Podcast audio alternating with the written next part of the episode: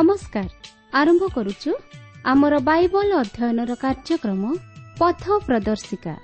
ପବିତ୍ର ବାଇବଲ କହେ ଯଦି ଆମ୍ଭେମାନେ ଆପଣା ଆପଣା ପାପ ସ୍ୱୀକାର କରୁ ତେବେ ସେ ଆମ୍ଭମାନଙ୍କର ପାପ କ୍ଷମା କରିବାକୁ ଓ ସମସ୍ତ ଅଧର୍ମରୁ ଆମ୍ଭମାନଙ୍କୁ ପରିଷ୍କାର କରିବାକୁ ବିଶ୍ୱସ୍ତ ଓ ନ୍ୟାୟବାନ ଅଟନ୍ତି। ଆସନ୍ତୁ ସେହି ଉଦ୍ଧାରକର୍ତ୍ତାଙ୍କର ପରିଚୟ ପାଇବା ନିମନ୍ତେ ଶୁଣିବା ବେତାର କାର୍ଯ୍ୟକ୍ରମ ପଥ ପ୍ରଦର୍ଶିକା।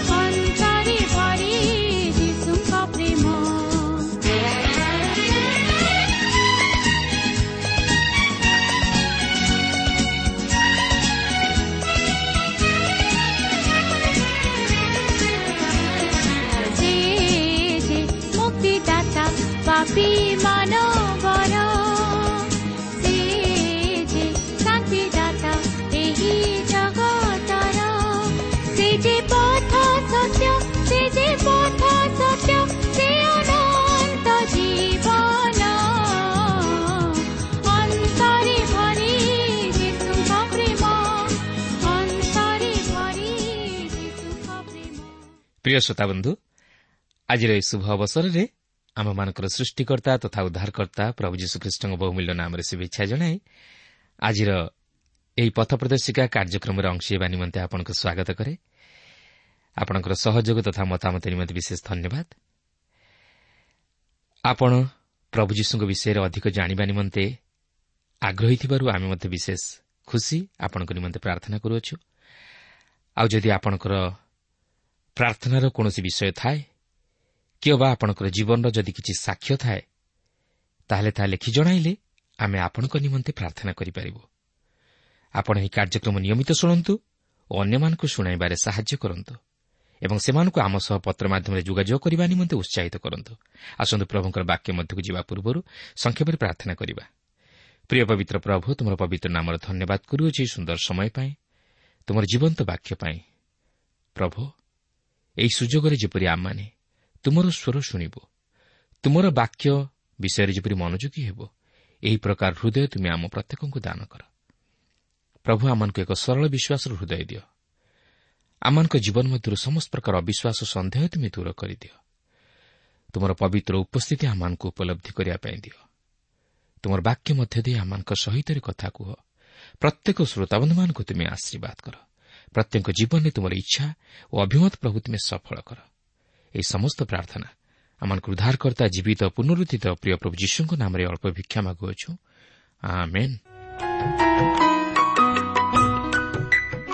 ଆଜି ଆମେ ସେହି ପ୍ରଥମ ବଂଶାବଳୀ ପୁସ୍ତକ ତାହାର ଛଅ ପର୍ବ ଓ ସାତ ପର୍ବକୁ ଅଧ୍ୟୟନ କରିବା ପାଇଁ ଯିବା।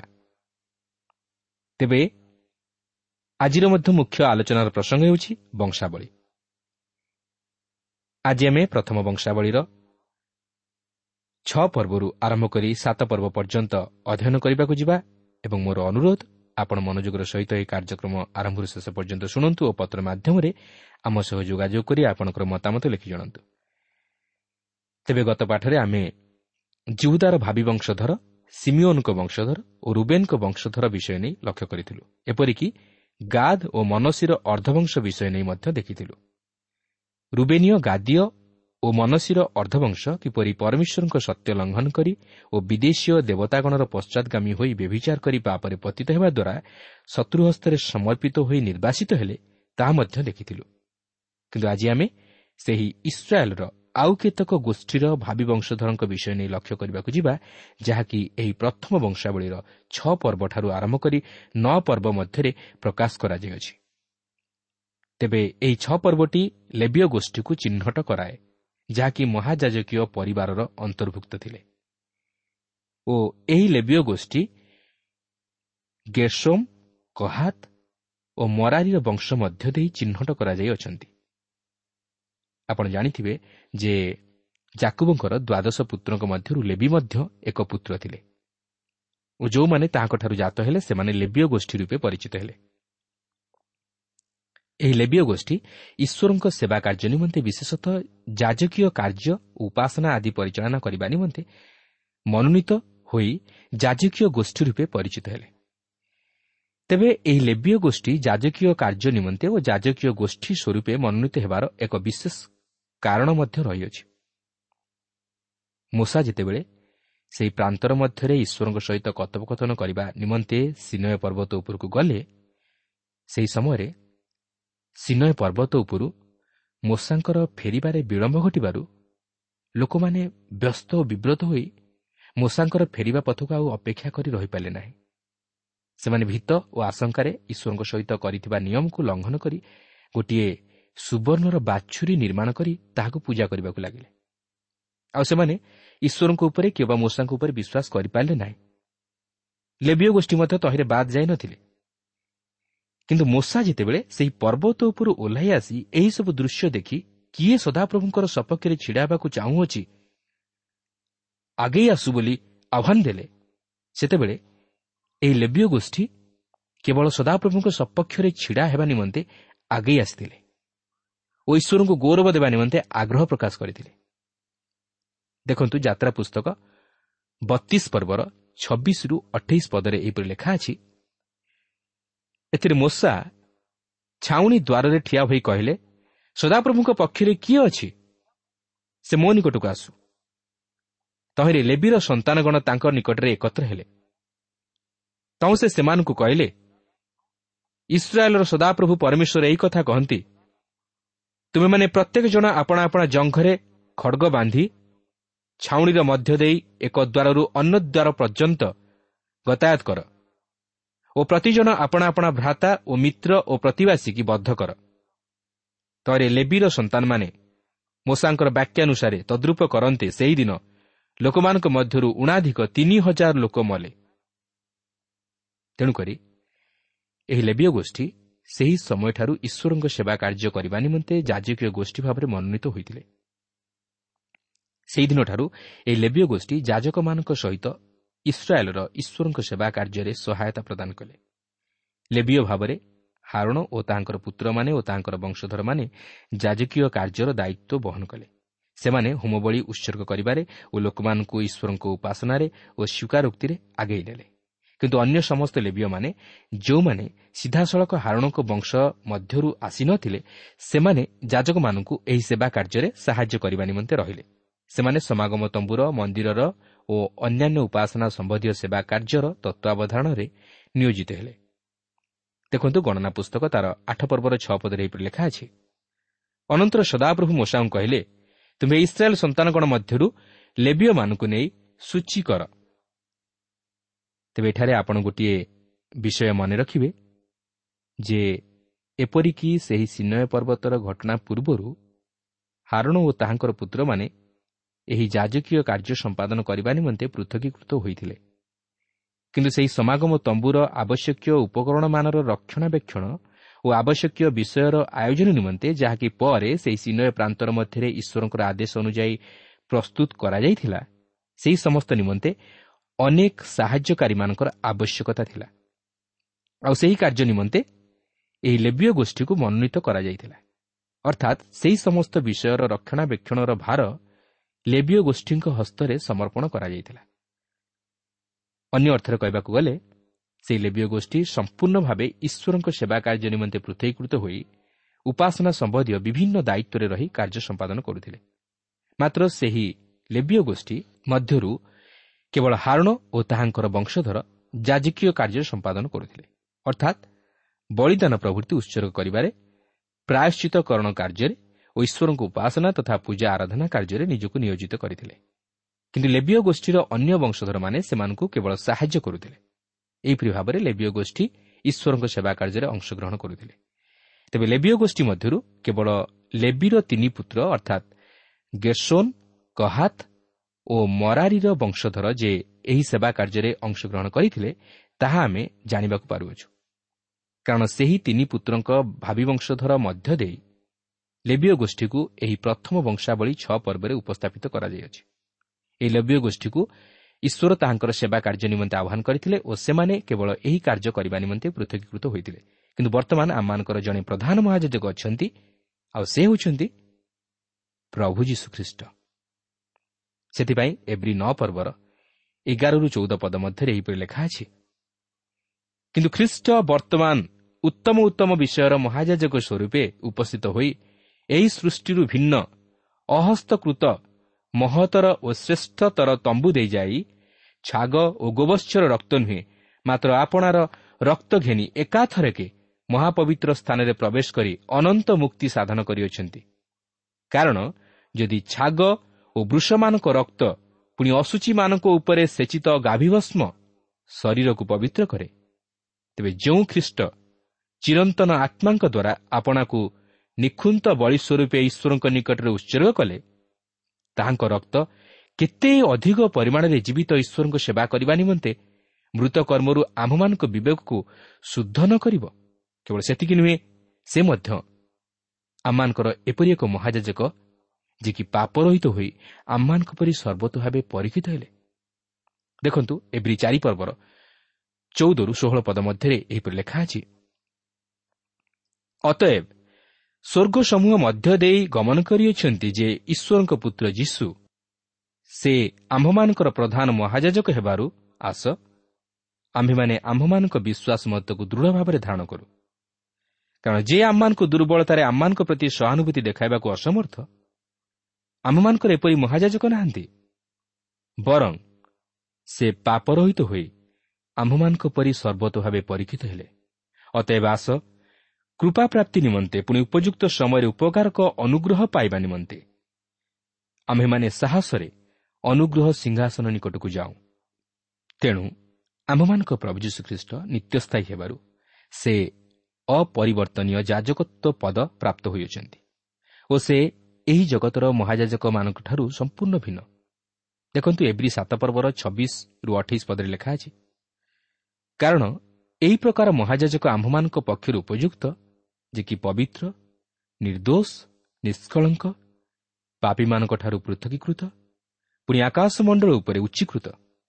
ସେହି ମହାଯାଜକମାନଙ୍କ ସଦୃଶ ପ୍ରତିଦିନ ପ୍ରଥମରେ ଆପଣାର ପାପ ପାଇଁ ଓ ପରେ ଲୋକମାନଙ୍କ ପାପ ପାଇଁ ବଳି ଉତ୍ସର୍ଗ କରିବା ତାହାଙ୍କର ଆବଶ୍ୟକ ନୁହେଁ। କାରଣ ଆପଣାକୁ ଉତ୍ସର୍ଗ କରିବା ଦ୍ୱାରା ସେ ଏକାଥରକେ ଏହା କରିଅଛନ୍ତି। ଯେଣୁ ବ୍ୟବସ୍ଥା ଦୁର୍ବଳତା ବିଶିଷ୍ଟ ମନୁଷ୍ୟକୁ ମହାଯାଜକ ପଦରେ ନିଯୁକ୍ତ କରେ। କିନ୍ତୁ ଯେଉଁ ଶପଥ ବାକ୍ୟ ବ୍ୟବସ୍ଥା ପରେ ହୋଇଥିଲା ତାହା ଅନନ୍ତକାଳ ପର୍ଯ୍ୟନ୍ତ ସିଦ୍ଧିପ୍ରାପ୍ତ ପୁତ୍ରଙ୍କୁ ନିଯୁକ୍ତ କରେ। ତେଣୁ ପ୍ରିୟ ବନ୍ଧୁ ଆସନ୍ତୁ ସେହି ପ୍ରଧାନ ମହାଯାଜକଙ୍କ ନିକଟକୁ ଯିବା ଯେ କି ସମ୍ପୂର୍ଣ୍ଣ ରୂପେ ପରିତ୍ରାଣ ଦେବାକୁ ସକ୍ଷମ ଅଟନ୍ତି। ଯେଣୁ ଆମମାନଙ୍କ ନିମନ୍ତେ ନିବେଦନ କରିବା ପାଇଁ ସେ ନିତ୍ୟ ଜୀବିତ ସେ ଆମମାନଙ୍କର ମୃତ ମହାଯାଜକ ନୁହନ୍ତି ମାତ୍ର ଜୀବିତ ମହାଯାଜକ। ଓ ସେ ହିଁ କେବଳ ଆମମାନଙ୍କୁ ପରିତ୍ରାଣ କରିବା ନିମନ୍ତେ ଏକମାତ୍ର ସମର୍ଥ ମହାଯାଜକ। କେବଳ ସେତିକି ନୁହେଁ ଯେଉଁମାନେ ତାହାଙ୍କଠାରେ ବିଶ୍ୱାସ କରି ତାହାଙ୍କୁ ନିଜ ହୃଦୟ ମଧ୍ୟରେ ଗ୍ରହଣ କରନ୍ତି ସେମାନେ ସେହି ଯାଜକୀୟ ଗୋଷ୍ଠୀର ଅନ୍ତର୍ଭୁକ୍ତ ହୁଅନ୍ତି। ଦେଖନ୍ତୁ ପ୍ରଥମ ପିତର ଦୁଇ ପର୍ବର ନଅ ଓ ଦଶ ପଦରେ ଏହିପରି ଲେଖା ଅଛି କିନ୍ତୁ ଯେ ତୁମମାନଙ୍କୁ ଅନ୍ଧକାରରୁ ଆପଣ ଆଶ୍ଚର୍ଯ୍ୟ ଆଲୋକ ମଧ୍ୟକୁ ଆହ୍ୱାନ କରିଅଛନ୍ତି ତୁମେମାନେ ଯେପରି ତାହାଙ୍କ ଗୁଣ କୀର୍ତ୍ତନ କର ଏଥିନିମନ୍ତେ ତୁମେମାନେ ଏକ ମନୋନୀତ ବଂଶ ରାଜକୀୟ ଯାଜକ ବର୍ଗ ପବିତ୍ର ଜାତି ପୁଣି ଈଶ୍ୱରଙ୍କ ନିଜସ୍ୱ ପ୍ରଜା ହୋଇଅଛ। ପୂର୍ବରେ ତୁମେମାନେ ପ୍ରଜାବାଚ୍ୟ ନଥିଲ କିନ୍ତୁ ଏବେ ଈଶ୍ୱରଙ୍କ ପ୍ରଜା ହୋଇଅଛ। ପୂର୍ବରେ ତୁମେମାନେ ଦୟା ପାଇନଥିଲ ମାତ୍ର ଏବେ ଦୟାପ୍ରାପ୍ତ ହୋଇଅଛ। ପ୍ରିୟ ବନ୍ଧୁ ସେହି ପ୍ରଭୁ ଯୀଶୁ ଆଜି ମଧ୍ୟ ଆମମାନଙ୍କ ନିମନ୍ତେ ପିତା ଈଶ୍ୱରଙ୍କ ନିକଟରେ ଅହରହ ନିବେଦନ କରନ୍ତି। ଯେପରି ଆମ୍ଭେମାନେ ବିନଷ୍ଟ ନ ହୋଇ ରକ୍ଷାପ୍ରାପ୍ତ ହେଉ। ସେଥିପାଇଁ ସେ ଆଜି ମଧ୍ୟ ଆମ୍ଭମାନଙ୍କର ହୃଦୟ ଦ୍ୱାରରେ ଆଘାତ କରନ୍ତି। ଯେପରି ଆମେ ତାହାଙ୍କୁ ନିଜ ହୃଦୟ ମଧ୍ୟରେ ଗ୍ରହଣ କରି ସ୍ଥାନ ଦେଉ। ପ୍ରକାଶିତ ବାକ୍ୟ ତିନି ପର୍ବର କୋଡ଼ିଏ ପଦରେ ଏହିପରି ଲେଖା ଅଛି ଦେଖ ଆମ୍ଭେ ଦ୍ୱାର ନିକଟରେ ଠିଆ ହୋଇ ଆଘାତ କରୁଅଛୁ।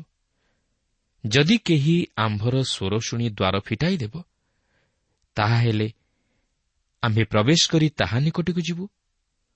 ପୁଣି ଆମ୍ଭେ ତାହା ସହିତ ଭୋଜନ କରିବୁ। ଓ ସେ ଆମ୍ଭ ସହିତ ଭୋଜନ କରିବ ଏହା କ'ଣ ଏକ ଚମତ୍କାର ବିଷୟ ନୁହେଁ କି ପ୍ରିୟ ବନ୍ଧୁ ପ୍ରଭୁ ଯୀଶୁ ଆଜି ଆମର ଏହି ହୃଦୟରେ ରହିବାକୁ ଚାହାନ୍ତି। ସେ ଆମ ସହିତ ସହଭାଗିତା ସ୍ଥାପନ କରିବାକୁ ଚାହାନ୍ତି। ସେଦିନ ସେହି ଯକ୍ଷ ମନ ପରିବର୍ତ୍ତନ କରି ଖ୍ରୀଷ୍ଟଙ୍କୁ ଗ୍ରହଣ କରିବାରୁ ପ୍ରଭୁ ଯୀଶୁ କହିଲେ ଆଜି ଏହି ଗୃହରେ ପରିତାଣ ଉପସ୍ଥିତ ହୋଇଅଛି। ଯେଣୁ ଏ ମଧ୍ୟ ଅବ୍ରାହ୍ମଙ୍କ ଜଣେ ସନ୍ତାନ। ସେଦିନ ଯୀଶୁ ଯକ୍ଷଙ୍କ ଗୃହକୁ ଯାଇ ତାହାଙ୍କ ସହ ସହଭାଗିତା ସ୍ଥାପନ କଲେ। ସେଦିନ ଯକ୍ଷଙ୍କ ଗୃହ ଆନନ୍ଦରେ ପରିପୂର୍ଣ୍ଣ ହୋଇଗଲା। ତାଙ୍କର ହୃଦୟ ମଧ୍ୟ ଆନନ୍ଦରେ ପରିପୂର୍ଣ୍ଣ ହୋଇଗଲା। କେବଳ ତାହାଙ୍କର ଗୃହ ନୁହେଁ ତାହାଙ୍କର ହୃଦୟ ମଧ୍ୟ ସେହି ପରିତ୍ରାଣର ଆନନ୍ଦକୁ ଉପଲବ୍ଧି କଲା ଓ ସହଭାଗୀ ହେଲା। ପ୍ରିୟ ବନ୍ଧୁ ଆଜି କ'ଣ ଆମର ବ୍ୟକ୍ତିଗତ ଜୀବନରେ ଓ ପାରିବାରିକ ଜୀବନରେ ଯୀଶୁ ଅଛନ୍ତି କି? ଯଦି ସେ ନାହାନ୍ତି ତାହେଲେ ଆପଣ କେବେ ହେଲେ ନିଜର ବ୍ୟକ୍ତିଗତ ଜୀବନରେ ବା ପାରିବାରିକ ଜୀବନରେ ବାସ୍ତବ ଶାନ୍ତି ଓ ଆନନ୍ଦକୁ ଉପଲବ୍ଧି କରିପାରିବେ ନାହିଁ। ସେଦିନ ଅନେକ ଲୋକ ଯୀଶୁଙ୍କୁ ଦେଖିବା ନିମନ୍ତେ ଓ ତାହାଙ୍କୁ ନିଜ ଗୃହକୁ ଅତିଥି କରି ଆଣିବା ନିମନ୍ତେ ଚାହିଁଥିବେ। ଅନେକେ ତାହାଙ୍କୁ ସାକ୍ଷାତ କରି ତାହାଙ୍କ ସହ କଥାବାର୍ତ୍ତା କରିବା ନିମନ୍ତେ ଚାହିଁଥିବେ। ଅନେକ ତାହାଙ୍କ ଉପରେ ମାଡ଼ି ପଡ଼ିଥିବେ। ମାତ୍ର ସେମାନେ ସୁଯୋଗ ପାଇଲେ ନାହିଁ। ମାତ୍ର ଯିଏକି ସେହି ଡିମ୍ବିରି ଗଛର ପତ୍ର ଆଢ଼ୁଆଳରେ ଥାଇ ଯୀଶୁଙ୍କୁ ଦେଖିବା ପାଇଁ ଚାହିଁଥିଲା ଯୀଶୁ ତାହାକୁ ଦେଖି ଦୟାରେ ବିଗଳିତ ହୋଇଗଲେ। ଯୀଶୁ ତାହାକୁ ଦେଖିପାରିଲେ ଓ ତାହା ସହିତ କଥାବାର୍ତ୍ତା କଲେ ଓ ତାହାର ଗୃହକୁ ଯାଇ ତାହା ସହିତ ଭୋଜନ କଲେ ଅର୍ଥାତ୍ ସହଭାଗିତା ସ୍ଥାପନ କଲେ। ପ୍ରିୟ ବନ୍ଧୁ ଆପଣ ଯେଉଁଠି ଥାଆନ୍ତୁ ନା କାହିଁକି ଓ ଯାହା କରନ୍ତୁ ନା କାହିଁକି ଆପଣଙ୍କର ହୃଦୟର ଚିନ୍ତାଧାରାକୁ ପ୍ରଭୁ ଜାଣନ୍ତି। ଆପଣ କେବେ ହେଲେ ତାଙ୍କଠାରୁ ନିଜକୁ ଲୁଚାଇ ରଖିପାରିବେ ନାହିଁ।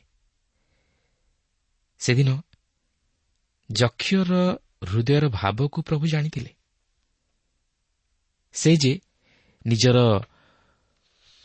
ପାପ ନିମନ୍ତେ ଅନୁତପ୍ତ ତାହା ମଧ୍ୟ ସେ ଦେଖିଥିଲେ। ଓ ସେ ଯେ ତାହା ସ୍ୱୀକାର କରି ଛାଡ଼ିବା ନିମନ୍ତେ ଦୃଢ଼ ପରିକର ତାହା ମଧ୍ୟ ସେ ଜାଣିଥିଲେ।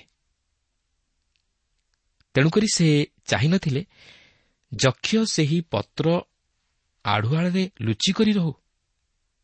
ମାତ୍ର ପ୍ରକାଶ୍ୟରେ ଖ୍ରୀଷ୍ଟଙ୍କୁ ଗ୍ରହଣ କରି ନିଜର ସାକ୍ଷ୍ୟ ଲୋକମାନଙ୍କ ନିକଟରେ ପ୍ରକାଶ କରୁ।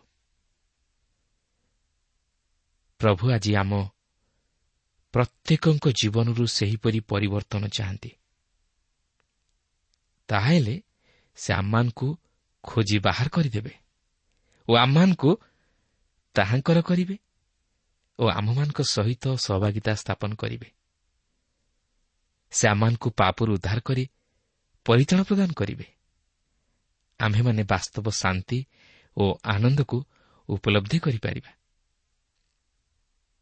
ଏଇଠାରେ ମୋର ସେହି ଗୀତଟି ମନେ ପଡ଼େ ମୋତେ ଖୋଜି ଖୋଜି ଯୀଶୁ ଆଇଲେ। ମୋଛାର ପାଇଁକି ସରଗ ତ୍ୟାଗି। ଅଶେଷ ଯାତନା ସହିଲେ। ପ୍ରିୟ ବନ୍ଧୁ ମନେ ରଖନ୍ତୁ ପ୍ରଭୁ ଆପଣଙ୍କୁ ଖୋଜୁଅଛନ୍ତି।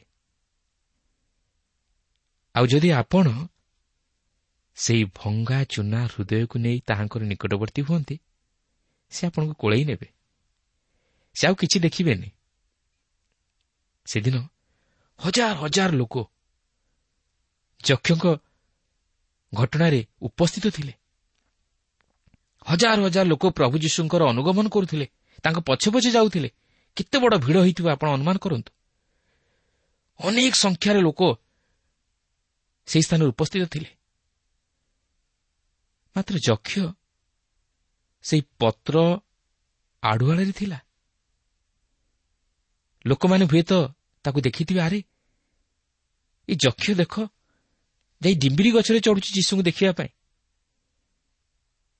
ଆଉ ଲୋକମାନେ ସେଦିନ କେବଳ ଯୀଶୁଙ୍କୁ ଦେଖିବା ପାଇଁ ମାଡ଼ି ପଡ଼ୁଥିଲେ। କିନ୍ତୁ ଯୀଶୁ ଯକ୍ଷଙ୍କୁ ଦେଖିବା ପାଇଁ ସିଏ ସେହି ବାଟ ଦେଇ ଯାଉଥିଲେ। ସେ ଯକ୍ଷଙ୍କ ଜୀବନକୁ ଦେଖୁଥିଲେ। ପ୍ରିୟ ବନ୍ଧୁ ଆମେ କେବଳ ପ୍ରଭୁ ଯୀଶୁଙ୍କ ବିଷୟରେ ଅଧିକ ଜାଣିଦେଲେ ଯଥେଷ୍ଟ ନୁହେଁ ବା ପ୍ରଭୁ ଯୀଶୁଙ୍କର ବାକ୍ୟକୁ ଅଧ୍ୟୟନ କଲେ ଯଥେଷ୍ଟ ନୁହେଁ ବା ପ୍ରଭୁଙ୍କର ଶିକ୍ଷା ଶୁଣିଦେଲେ ଯଥେଷ୍ଟ ନୁହେଁ।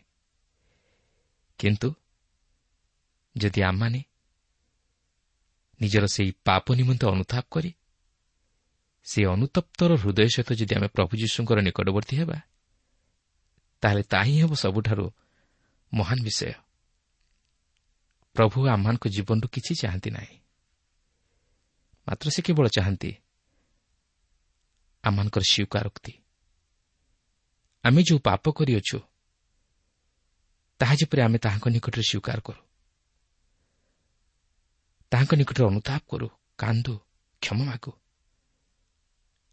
ଆଉ ସେ ଆମମାନଙ୍କୁ କୋଳେଇ ନେବେ। ଯକ୍ଷ ସେଦିନ ପ୍ରଭୁ ଯୀଶୁଙ୍କ ନିକଟରେ ନିଜର ସମସ୍ତ ପାପ ସେ ସ୍ୱୀକାର କରିଦେଲେ। କେବଳ ସେତିକି ନୁହେଁ ସେ ଯାହାଠାରୁ ଅନ୍ୟାୟରେ ଯାହା କିଛି ଆଣିଥିଲେ ତାହାକୁ ସେ ଚାରିଗୁଣରେ ଫେରାଇ ଦେଲେ ତାହିଁ ହେଉଛି ବାସ୍ତବ ପରିବର୍ତ୍ତନ। ଅନେକ ସମୟରେ ଆମେ ପ୍ରଭୁଙ୍କର ନିକଟବର୍ତ୍ତୀ ହେଉ ମାତ୍ର ନିଜର ଭୁଲକୁ ଆମେ ଛାଡ଼ିବା ପାଇଁ ପରିତ୍ୟାଗ କରିବା ପାଇଁ ଆମମାନେ ରାଜି ହୋଇନଥାଉ। ଆମମାନେ ନିଜର ପାପକୁ ସ୍ୱୀକାର କରୁ ମାତ୍ର ସେହି ପାପରୁ ପୃଥକୀକୃତ ଜୀବନଯାପନ କରିବା ପାଇଁ ଆମମାନେ ଦୃଢ଼ ପଦକ୍ଷେପ ନେଇନଥାଉ କିନ୍ତୁ ଦେଖନ୍ତୁ ଯକ୍ଷଙ୍କ ଜୀବନ। ସେ ସେହି ପଥରୁ ପୁରାପୁରି ଓହରି ଗଲେ ସେ ସମ୍ପୂର୍ଣ୍ଣ ଯୀଶୁଙ୍କ ନିକଟକୁ ଚାଲି ଆସିଲେ। ସେ ଯୀଶୁଙ୍କ ଉପରେ ଆଉଜି ପଡ଼ିଲେ। ସେ ନିଜର ଧନ ଉପରେ ନିର୍ଭର କଲେ ନାହିଁ। ମାତ୍ର ଯୀଶୁଙ୍କ ଉପରେ ନିର୍ଭର କଲେ। ସେ ନିଜର ଆଭିଜାତ୍ୟକୁ ଦେଖିଲେ ନାହିଁ। ମାତ୍ର ଯୀଶୁଙ୍କର ସହଭାଗିତାକୁ ଦେଖିଲେ। ସେ ଯୀଶୁଙ୍କ ସହିତ ସହଭାଗିତା ସ୍ଥାପନ କରିବା ପାଇଁ ଚାହିଁଲେ। ମାତ୍ର ଜାଗତିକ ମନା ଲୋକମାନଙ୍କ ସହିତ ନୁହଁ। ତାଙ୍କର ପ୍ରଚୁର ଧନ ଥିଲା। ଜଗତରେ ତାଙ୍କର ଯଥେଷ୍ଟ ମାନ ସମ୍ମାନ ଥିଲା ମାତ୍ର ସେ ସବୁକୁ ଦେଖିଲେ ନାହିଁ। ମାତ୍ର ସେ ଯୀଶୁଙ୍କ ପଛରେ ଧାଇଁଲେ ଯୀଶୁଙ୍କୁ ଗ୍ରହଣ କଲେ। ଆଉ ତାହା ହିଁ ହେଉଛି ବାସ୍ତବ ମନ ପରିବର୍ତ୍ତନ। ଆସନ୍ତୁ ଏହାପରେ ପ୍ରଥମ ବଂଶାବଳୀର ସାତ ପର୍ବ ମଧ୍ୟକୁ ଯିବା। ଏହି ସାତ ପର୍ବ ଇସ୍ରାଏଲ୍ର ଆଉ କେତେକ ଗୋଷ୍ଠୀକୁ ଚିହ୍ନଟ କରାଏ। ସେମାନେ ହେଲେ Issachar Benjamin Naphtali Manasseh Ephraim ଓ ଆସେର। ଏହି ସମସ୍ତେ ଅସୁରୀୟମାନଙ୍କ ହସ୍ତରେ ବନ୍ଦୀ ହୋଇ ଅସୁରର ଦେଶକୁ ନିର୍ବାସିତ ହେଲେ। ଏହାର କାରଣ ହେଉଛି ଯେ ସେମାନେ ଈଶ୍ୱରଙ୍କଠାରୁ ବିମୁଖ ହୋଇ ପାପରେ ପତିତ ହେଲେ ଏବଂ ପ୍ରତିମା ପୂଜା ଓ ବେଭିଚାର କର୍ମ କରି ଅସୁଚି ହେଲେ। ଫଳତଃ ଈଶ୍ୱରଙ୍କ କ୍ରୋଧ ସେମାନଙ୍କ ପ୍ରତି ବର୍ତ୍ତିଲା ଓ ସେମାନେ ଶତ୍ରୁ ହସ୍ତରେ ପତିତ ହୋଇ ନିର୍ବାସିତ ହେଲେ। ପ୍ରିୟ ବନ୍ଧୁ ଯଦି ଆମେ ଇସ୍ରାଏଲ୍ ଲୋକମାନଙ୍କର ଜୀବନକୁ ସମୀକ୍ଷା କରିବା ସେମାନଙ୍କର ଜୀବନରେ କେବଳ ଦୁଇଟି ପାପ ଲାଗି ସେମାନେ ଈଶ୍ୱରଙ୍କର ଠାରୁ ଶାସ୍ତି ଭୋଗ କରିଥିଲେ। ଆଉ ସେହି ଦୁଇଟି ପାପ ହେଲା ଗୋଟିଏ ହେଲା ପ୍ରତିମା ପୂଜା ଆଉ ଗୋଟିଏ ହେଲା ବେଭିଚାର ଈଶ୍ୱର ଏହି ପ୍ରତିମା ପୂଜାକୁ ଘୃଣା କରନ୍ତି ଆଉ ଏହି ବେଭିଚାର ହେଉଛି ତାହାଙ୍କ ଦୃଷ୍ଟିରେ ଏକ ମହାପାପ। ଆଜି ଆମମାନେ ଆମମାନଙ୍କ ଜୀବନକୁ ସମୀକ୍ଷା କରିବା ଆଜି ମୁଁ କ'ଣ? ସତ୍ୟ ଓ ଜୀବନ୍ତ ଈଶ୍ୱରଙ୍କୁ ଛାଡ଼ି ପ୍ରତିମା ଆଡ଼କୁ ଢଳୁଛି କି? ପ୍ରତିମା ପୂଜା କରୁଛି କି? ମୁଁ କ'ଣ ବେବିଚାର କରୁଛି କି? ଏହି ସ୍ଥାନରେ ବର୍ତ୍ତମାନ ଆମେ ଚିନ୍ତା କରିବା ମୋ ଜୀବନରେ ମୁଁ କେତେଥର ବେବିଚାର କର୍ମ କରିଛି।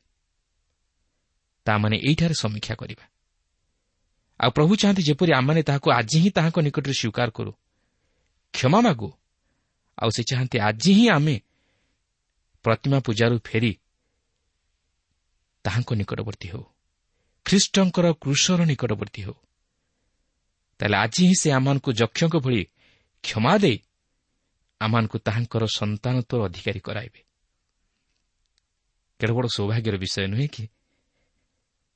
ସତ୍ୟ ଜୀବନ୍ତ ଈଶ୍ୱରଙ୍କର ସନ୍ତାନ ରୂପେ ଗୃହୀତ ହେବା ଏକ ମହାନ ବିଷୟ। ଆଜି କ'ଣ ଆମେ ତାହା ଚାହୁଁ କି?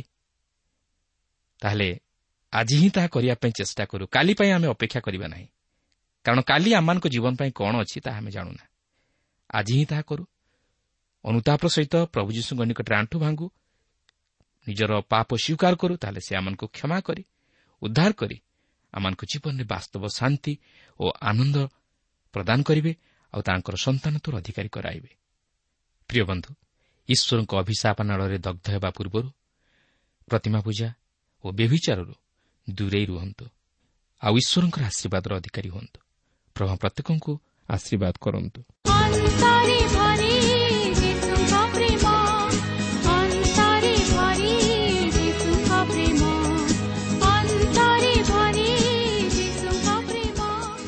ପ୍ରିୟ ଶ୍ରୋତା ଆମର କାର୍ଯ୍ୟକ୍ରମ ନିୟମିତ ଶୁଣୁଥିବାରୁ ଅଶେଷ ଧନ୍ୟବାଦ। ଆପଣ ଏହି କାର୍ଯ୍ୟକ୍ରମ ଶୁଣିବା ଦ୍ୱାରା ଆତ୍ମିକ ଜୀବନରେ ଉପକୃତ ହୋଇପାରିଥିବେ ବୋଲି ଆମର ବିଶ୍ୱାସ। ପ୍ରଭୁ ଯୀଶୁଙ୍କ ବିଷୟରେ ଅଧିକ ଜାଣିବାର ଆଗ୍ରହ ଥିଲେ ଅଥବା ଉପାଦେୟ ପୁସ୍ତକର ଆବଶ୍ୟକ ଥିଲେ ଆମ ସହ ଯୋଗାଯୋଗ କରନ୍ତୁ। ଆମର ଠିକଣା ପଥ ପ୍ରଦର୍ଶିକା trans world radio India post box number ତିନି ତିନି ଭୁବନେଶ୍ୱର ସାତ ପାଞ୍ଚ ଏକ ଶୂନ ଶୂନ ଏକ। Mobile number nine seven double seven double two one four one five ଠିକଣାଟି ଆଉଥରେ ଶୁଣନ୍ତୁ। ପଥ ପ୍ରଦର୍ଶିକା trans world radio India post box number three three Bhubaneswar seven five one zero zero one mobile number nine seven double seven double two one four one five ଆମର email ଆଡ୍ରେସ୍ଟି ଲେଖି ରଖନ୍ତୁ Odia TTV at radio eight eight two dot com ତେବେ ଆଜି ପାଇଁ ବିଦାୟ ଦିଅନ୍ତୁ। ନମସ୍କାର।